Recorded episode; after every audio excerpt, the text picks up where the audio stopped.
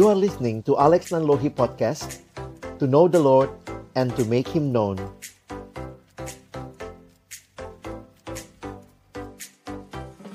Mari kita berdoa sebelum kita sama-sama akan belajar kebenaran firman Tuhan. Sungguh ya Tuhan, waktumu adalah waktu yang terbaik, termasuk hari ini. Tidak kebetulan kami berkumpul bersama-sama untuk belajar mendengar apa yang Tuhan ingin sampaikan kepada kami. Secara khusus bagi anak-anak kami, adik-adik kami, siswa grade 10, maupun juga semua kami Bapak Ibu Guru dan juga bahkan hambamu yang menyampaikan firman. Tuhan berbicaralah sekali lagi kepada kami, biarlah kebenaran firman-Mu yang akan memenuhi hati kami. Kami berdoa biarlah firman Tuhan, firman yang kudus dan yang menguduskan hidup kami boleh jadi bagian setiap kami pagi hari ini karena kami percaya firman-Mu adalah firman yang tidak berubah tapi firman yang kami percaya sanggup mengubah kehidupan kami. Itulah yang kami rindukan kembali menjadi bagian dari setiap kami pagi hari ini. Berkati waktu ke depan, berkati seluruh perangkat yang kami pakai, terlebih lagi hati kami Tuhan, agar sungguh boleh benar-benar berfokus hanya kepadamu. Di dalam nama Tuhan Yesus Kristus, kami menyerahkan pemberitaan firman-Mu. Amin. Shalom, selamat pagi Bapak Ibu sekalian dan juga adik-adik. Mungkin saya panggil adik-adik aja ya. Um, Kak Alex bersyukur untuk kesempatan ini untuk boleh kembali sharing firman Tuhan. Biasanya sih ketemu langsung ya. Tetapi waktu dan situasi ini tidak memungkinkan sehingga melalui online seperti ini pun tidak berhenti Tuhan ingin memberkati kita dengan firman-Nya. Terima kasih kepada pihak sekolah, secara khusus uh, Ibu Linda, ya, Bapak Ibu Guru Panitia, uh, Miss Wilsa juga yang sudah boleh memberikan kesempatan ini untuk saya boleh berbagi firman Tuhan dengan adik-adik sekalian. Nah, ada bagian yang saya siapkan dalam slide pagi hari ini. Saya akan coba share dan ini nanti kita akan ikuti sama-sama ya. Nanti di bagian selanjutnya, Kak Alex ber, berharap ada waktu kita boleh tanya jawab. Tetapi kalau memang juga uh, kesempatannya terbatas, saya pikir nanti kalau teman-teman bertanya silahkan nanti terus disampaikan ke saya dan dalam waktu yang lain mungkin juga saya bisa nanti menjawab ya. Jadi tetap yang mau bertanya langsung boleh dan nanti sesudah ini pun juga Kak Alex terbuka ya. Kalian bisa kontak saya di Instagram nanti bisa share gitu ya uh, apa yang mungkin jadi pertanyaan. Baik, kita bicara hari ini tentang holy desire. Oh, saya belum kenalan ya. Tadi katanya sudah dikenalkan di homeroom masing-masing, cuma kan ada pepatah mengatakan tak kenal maka tak sayang. Sudah kenal sih belum tentu disayang ya.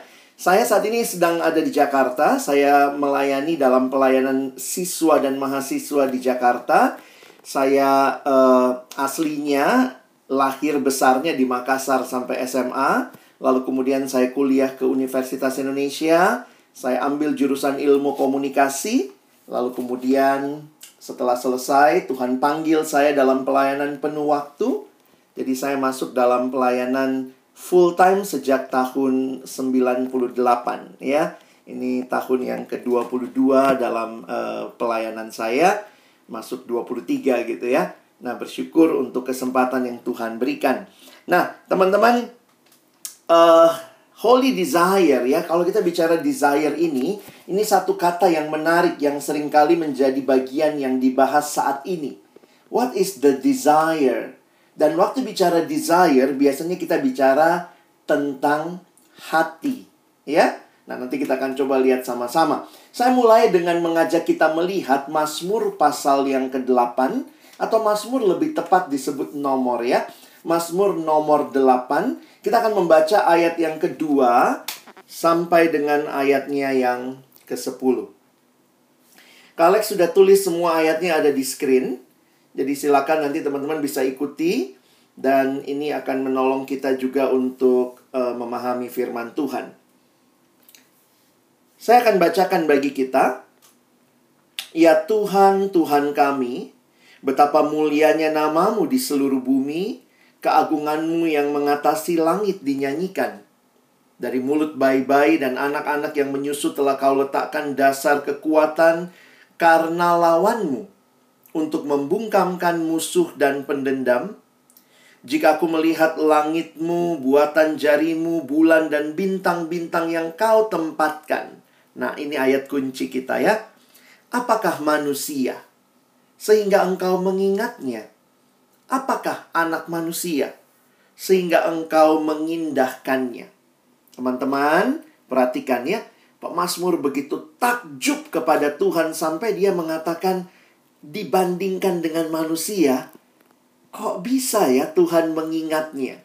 Bahkan seorang penafsir Alkitab berkata, pemazmur bisa melihat dirinya begitu hina istilah yang dipakai bukan siapakah manusia. Tetapi apa sih manusia ya?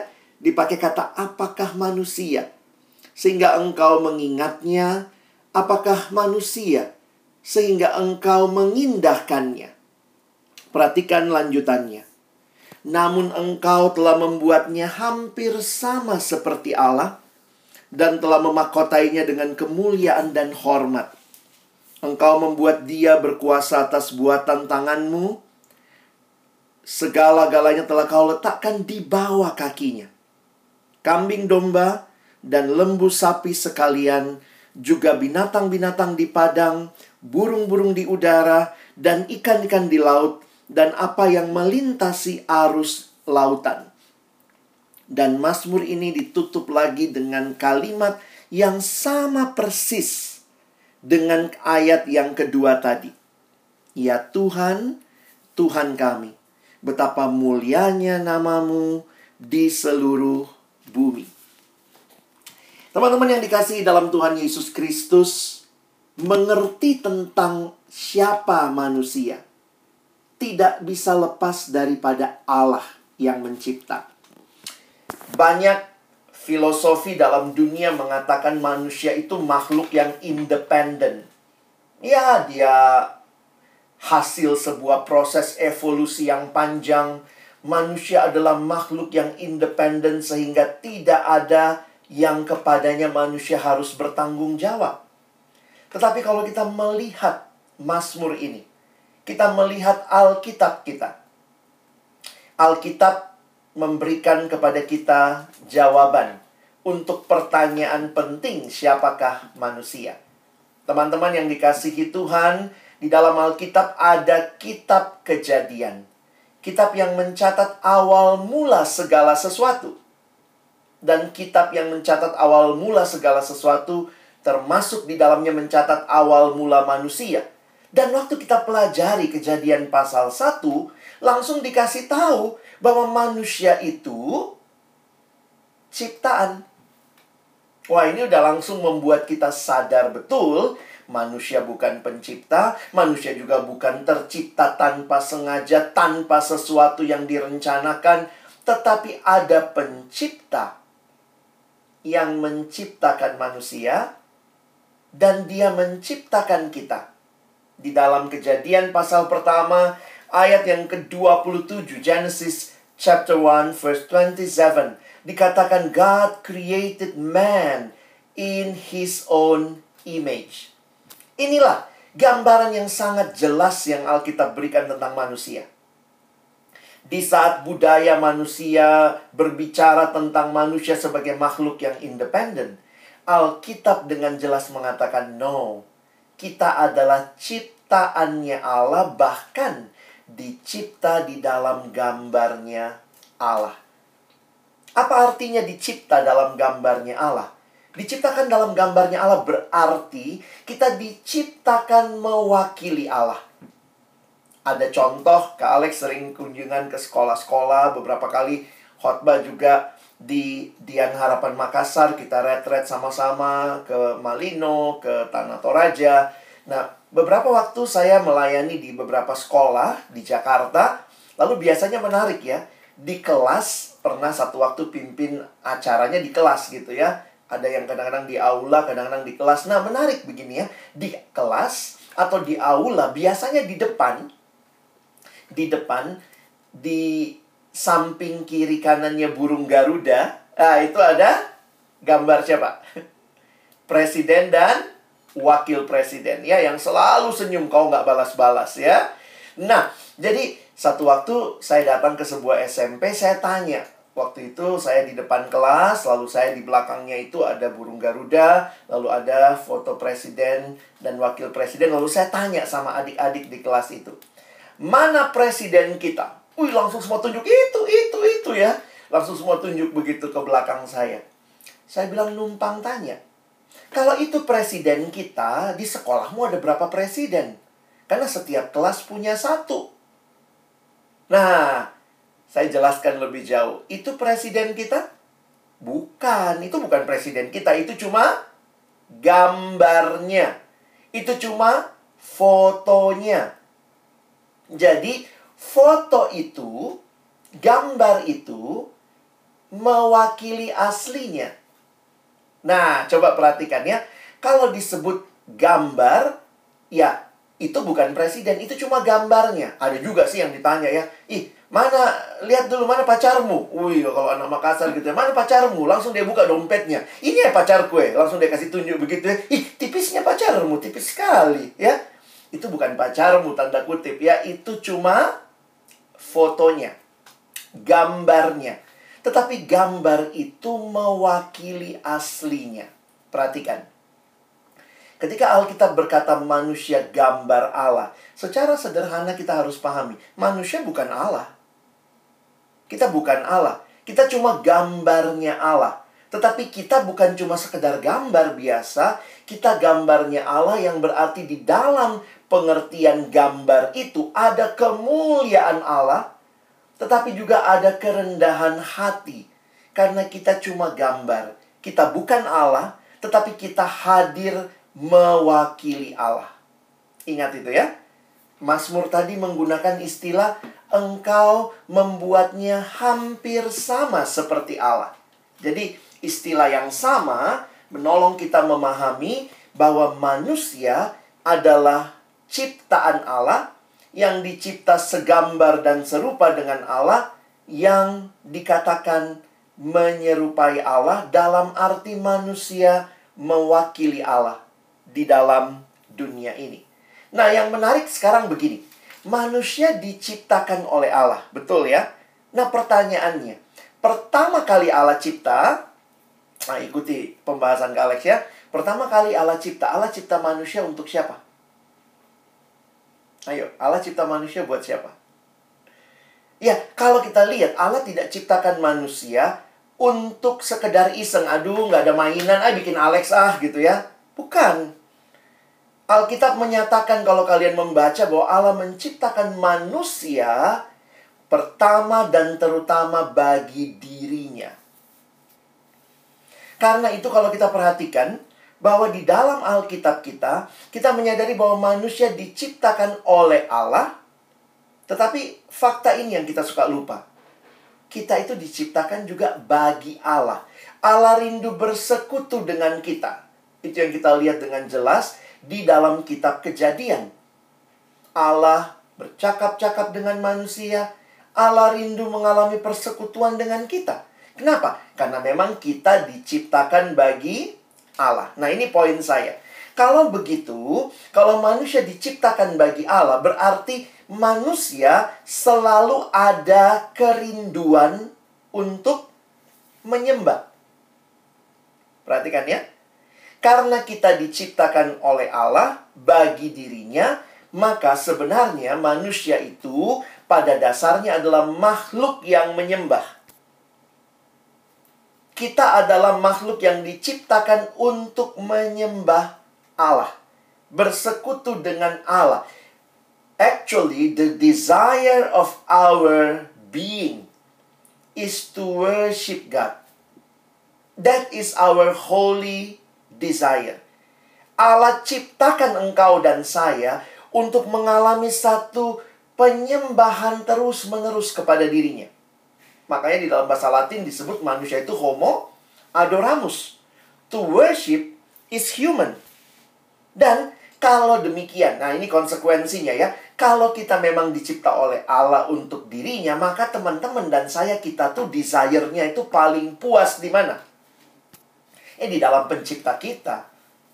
Our true desire, our holy desire itu hanya bisa benar-benar klop sama seperti baut dan mur ini ya. Itu klop di dalam pencipta kita. Kenapa ini penting? Banyak sekarang orang berpikir desire-nya itu sekedar keinginan dirinya semata-mata. Kalau kita baca di Alkitab nggak begitu. Justru kita diciptakan oleh Allah untuk Allah karena itu di dalam Allah lah kepuasan sejati kita. Teman-teman ini bukan hal yang yang yang mungkin baru kamu dengar, tapi jangan lupa ya, banyak orang lupa diri. Lupa bahwa dia diciptakan oleh Allah untuk Allah. Saya mengutip kalimat dari Santo Agustinus. Ini doanya Santo Agustinus yang dirangkum dengan indah sekali memberikan kesadaran tentang konsep barusan ini. Ya. Dia berkata begini, Tuhan, Engkau menanamkan dalam hati kami kesenangan untuk memujimu. Engkau menciptakan kami bagimu dan hati kami gelisah sebelum beristirahat padamu. Wah, itu kalimatnya luar biasa menarik ya. Kalau kalian lihat bahasa Inggrisnya, and our souls are restless until they find rest in you. Kita tuh restless until we find rest in God. Jadi kalau kita lihat diri kita, kita kan perlulah kenal diri kita ya. Saya ini siapa sih? Saya ini diciptakan oleh siapa sih? Kalau engkau mau tahu tentang jam jam mahal misalnya Pak Rolex misalnya ya tanya sama pembuat Rolex ini apa fungsinya apa kalau kamu beli HP Samsung ya tanya sama yang jual Samsung kamu dapat buku manualnya kamu bisa lihat tutorial Samsung jangan beli Samsung lihat tutorialnya Apple nggak nyambung kalau kamu diciptakan oleh Allah tanya sama Allah Why am I here? Dan ini bukan sesuatu yang baru, tetapi sesuatu yang sering kali kita lupa. Kepuasan sejati tidak pernah kita dapat dari ciptaan. No. Entah itu seseorang, sesuatu, no. It will never satisfy the desire of your hearts. Namun, kita hanya dapat kepuasan sejati dari pencipta. Jadi kalau Kak Alex kasih ilustrasinya begini. Ciptaan itu semua kategorinya horizontal.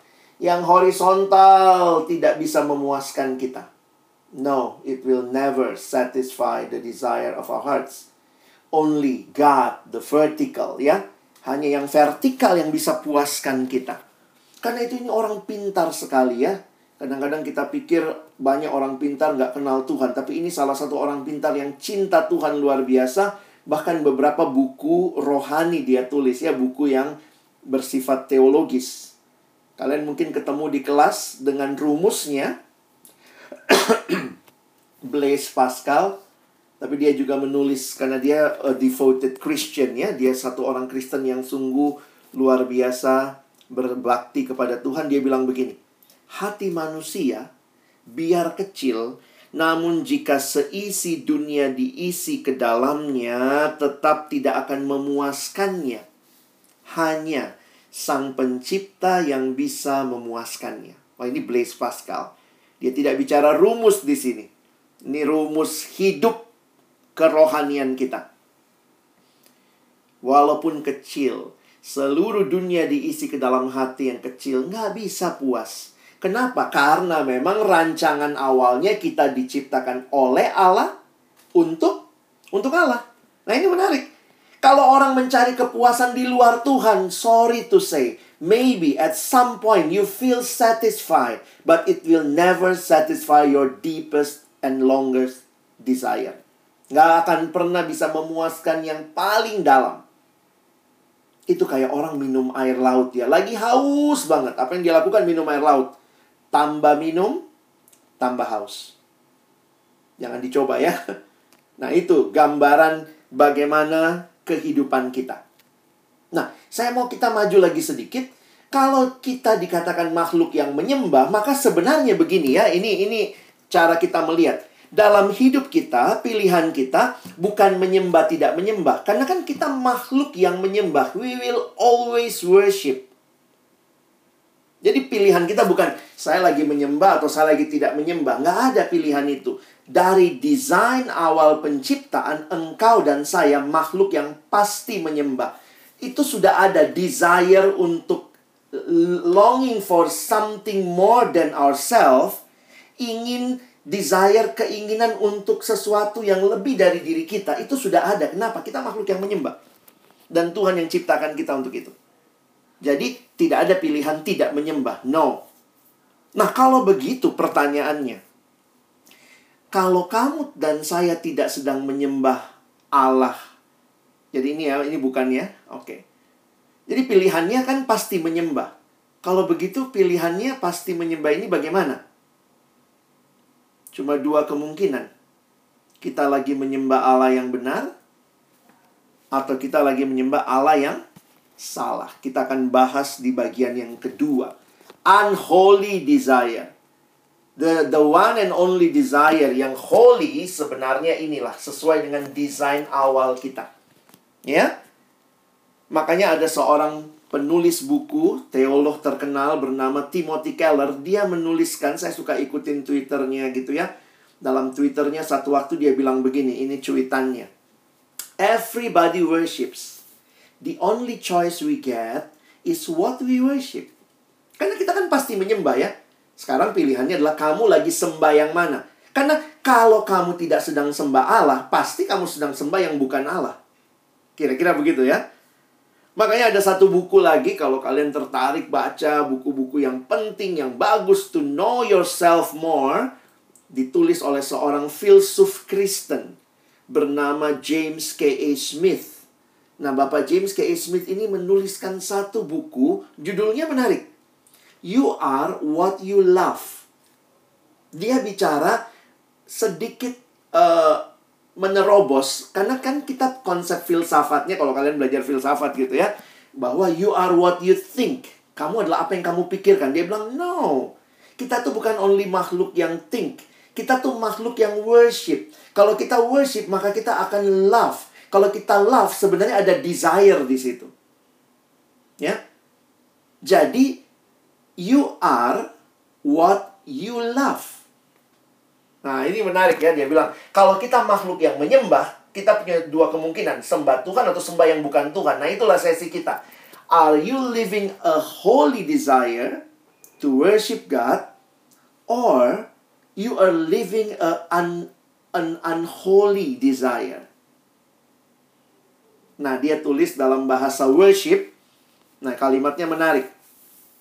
Bukunya You Are What You Love dia katakan, you need to curate your heart. You need to worship well. Because you are what you love. And you worship what you love. Wah, ini dalam banget ya. Kamu perlu cek hatimu. Siapa yang sedang kamu sembah. Dan kalau kamu sedang sembah itu berarti desiremu untuk dia. Desiremu begitu rupa. Because you are what you worship and you are what you love. Because you worship what you love. Jadi kita perlu kenal ini ya. What is the desire of your heart? Apa yang Tuhan sebenarnya rancangkan? Dan nanti kita lihat apa yang terjadi ketika manusia tidak menghidupi apa yang seharusnya dihidupinya. Nah, teman-teman yang dikasihi Tuhan, cek hati kita. Sekarang heart check ya. Please check the desire of your hearts. Kadang-kadang ada yang bilang gini, aduh anak sekarang tuh nggak punya motivasi lah, nggak punya kerinduan untuk uh, maju lah, nggak ada kerinduan bertumbuh. Saya pikir ini masalahnya ada di hati. Kenapa? Bukan nggak punya kerinduan. Kalau kamu, misalnya ya, sebentar ya, apakah suara saya masih terdengar? Oh, oke. Okay. Ya, tadi katanya ada bad connection. Semoga ini sudah lumayan baik ya. Sebentar.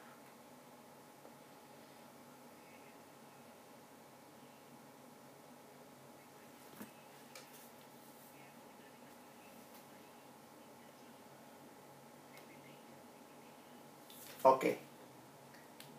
Apakah sekarang sudah lebih baik? Saya harap mungkin ini sudah lebih. Saya lanjutkan ya. Nanti kalau seandainya bermasalah baru saya matikan uh, camnya. Nah, jadi teman-teman perhatikan, perhatikan baik-baik bahwa kita itu adalah makhluk yang sedang menyembah. Kita perlu cek apa yang sedang jadi desire hati kita. Makanya kalau dibilang generasi ini nggak punya keinginan, nggak punya kemauan, saya bilang nggak. Kenapa? Karena kalau kamu sedang tidak menginginkan yang satu, karena kamu makhluk yang menyembah, kamu pasti lagi menginginkan yang lain. Benar nggak? Ada orang begitu malas belajar, nggak punya keinginan, nggak punya motivasi, tapi luar biasa motivated main game proves that you are what you love. It proves you are what you worship. Silakan boleh di maksudnya ini kita bicara filosofi dan aplikasi ya. Bahwa oke okay lah saya lagi males aduh baca Alkitab lagi males tapi baca novel berbinar-binar. Worship di kelas apa uh, dengan homeroom kita pagi-pagi ada chapel, ada ada devotion. Aduh, males banget. Tapi kalau nonton drama Korea satu malam tiga seri, berbinar-binar. So this is not the matters of no motivation. Ini bukan masalah nggak punya motivasi. Sedang pertanyaannya, sedang ke mana motivasimu? What you love?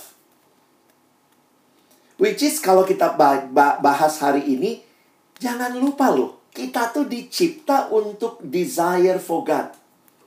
Itu passion kita harus ke situ untuk fulfill. Mengisi yang tadi ya hati kita walaupun kecil seisi dunia diisi ke dalamnya nggak pernah bisa memuaskan. Jadi saya jujur setelah mengerti konsep ini saya pikir nggak ada orang yang demotivasi.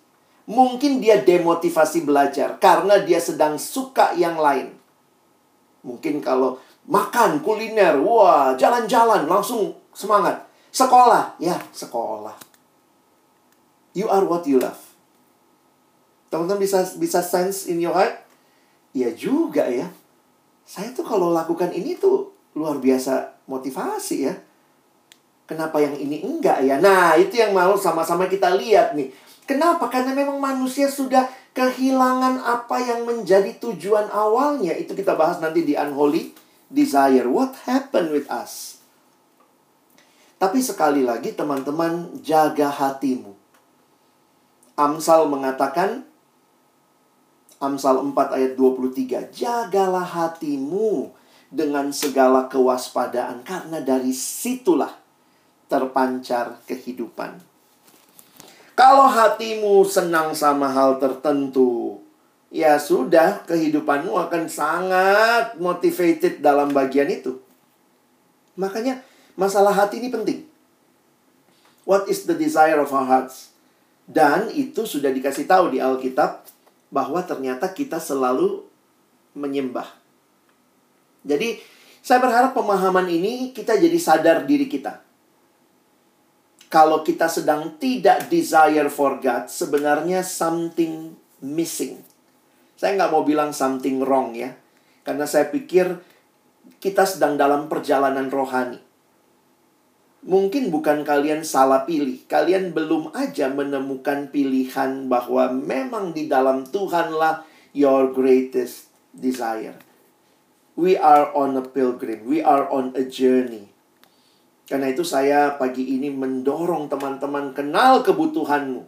Kau bukan hanya butuh hal-hal yang hanya bisa memuaskanmu sementara. Kamu butuh Tuhan perjalanan hidup remaja, siswa, bukanlah perjalanan yang harusnya diisi hanya dengan semua yang baik-baik saja. Tapi saya berkata kepadamu, kamu penting ketemu yang utama. Yang baik beda sama yang utama. Banyak hal baik, tapi hal utama saya pikir hanya satu. Jangan pernah kehilangan. The one and only the deepest need, the deepest desire yang teman-teman dan saya harus miliki. Ya. Nah, ini ini satu hal yang penting untuk kita mengawali retret kita, kita refleksikan hal ini ya.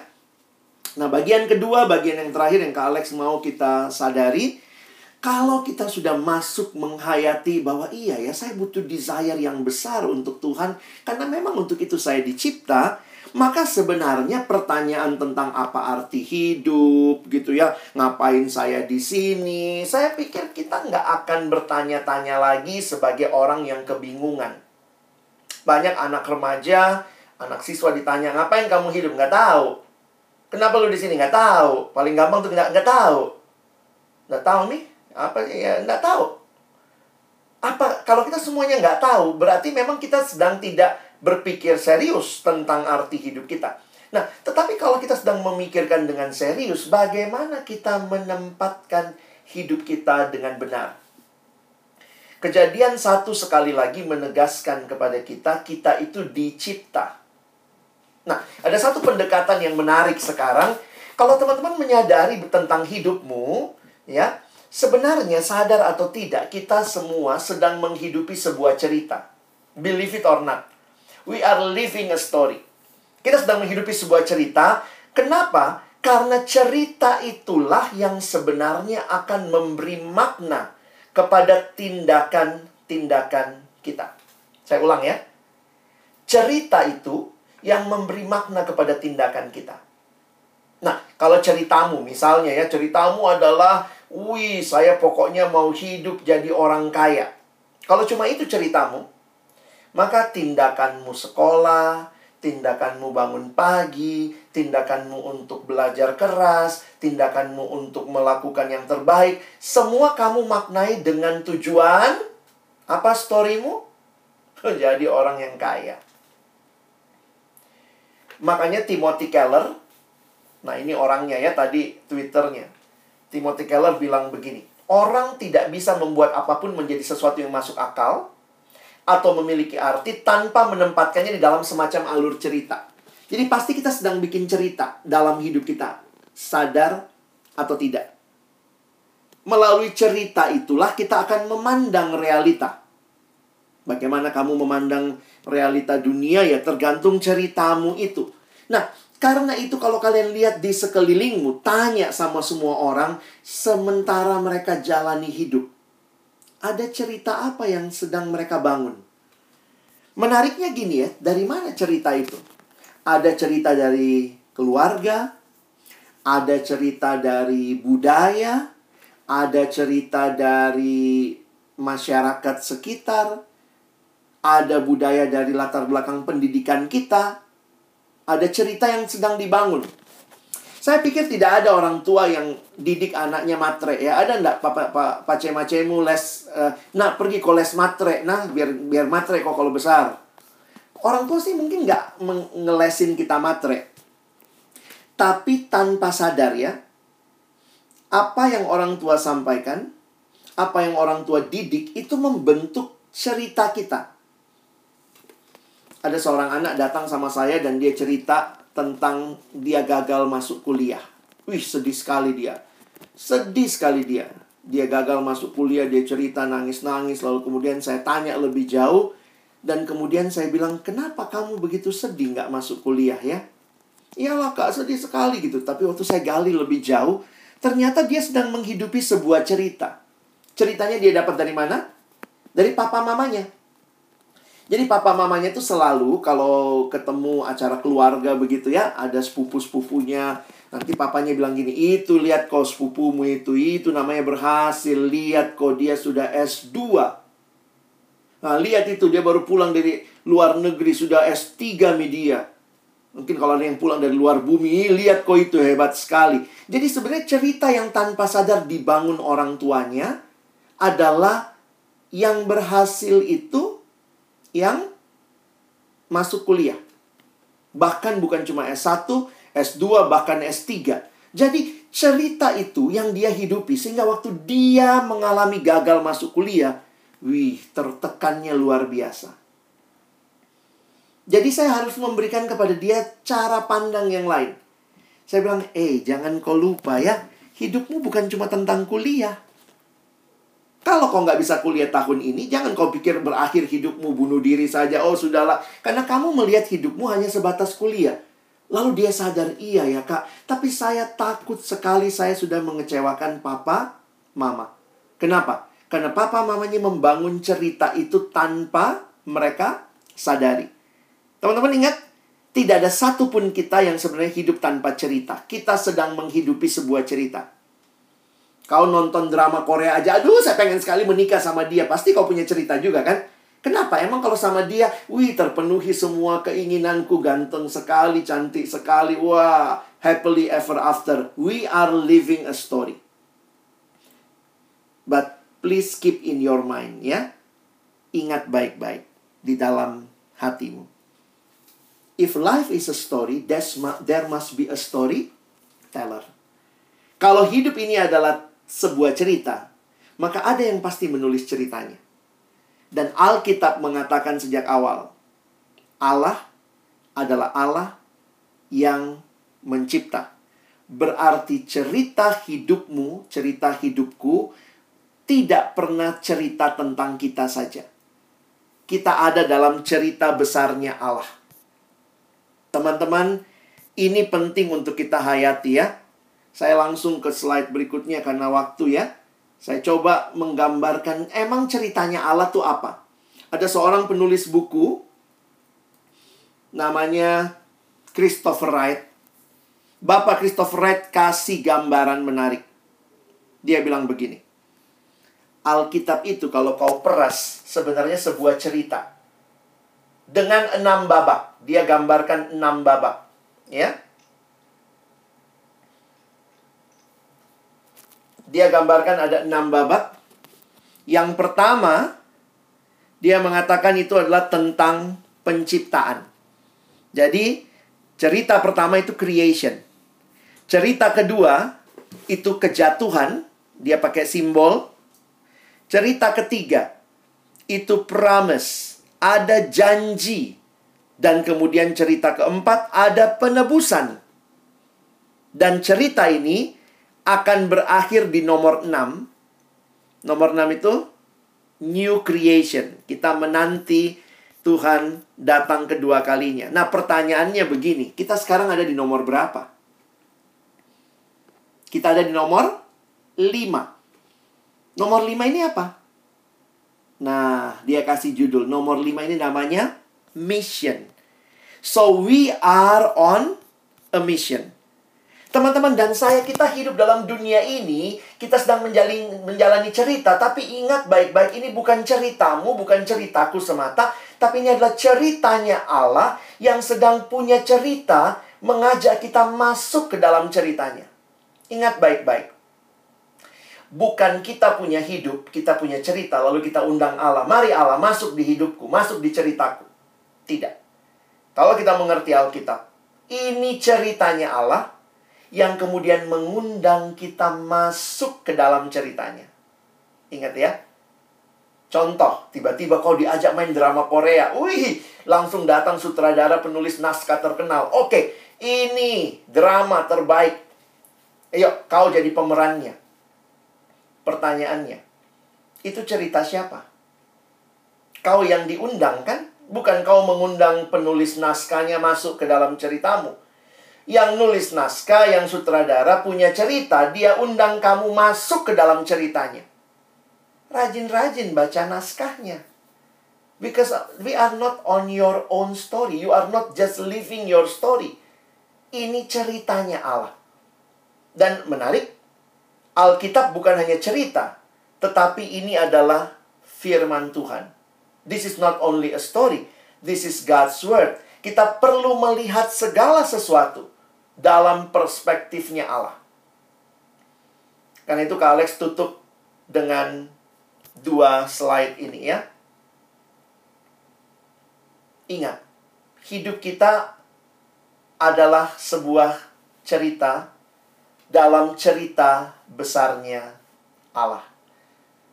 Karena itu ingat, we are here for a reason. Tidak ada dari kita yang hadir kebetulan kita bagian dari kisah besar Allah. God's big story menempatkan kita sebagai partisipan dalam cerita besar Allah. Apa yang kita lakukan harus dilihat dalam segala bentuk perspektif keseluruhan kisah Allah. Waktu saya mengerti ini, saya jadi sadar, Tuhan terima kasih. My life is not only about me, but it's all about you. Apa yang Tuhan rancangkan dalam hidup kita, biarlah kita tidak lupa. Dia punya rencana bagi hidupmu. Dan bacalah naskahnya. Rajin-rajin baca naskahnya supaya kau tahu bagaimana main dramanya Allah ini. Karena sutradara agung itu mengundang engkau di dalam ceritanya. Amin. Mari kita berdoa. Tuhan terima kasih kami hadir sebagai makhluk yang menyembah. Desire terdalam kami seharusnya untukmu. Dan terima kasih kisah hidup kami bukan tentang kami, tetapi ini kisah Tuhan yang mengundang kami. Tidak ada satupun dari kami yang hadir dalam dunia ini tanpa tujuan. We are here for a reason. And help us to find our deepest reason in you alone. Tolong kami rajin-rajin baca firman-Mu. Baca naskahnya. Supaya kami tahu bagaimana melakoni. Bukan drama Korea Tuhan, tapi dramamu. Ceritamu yang indah bagi hidup kami. Dan bahkan bagi dunia ini. Kami bersyukur dalam nama Yesus. Amin.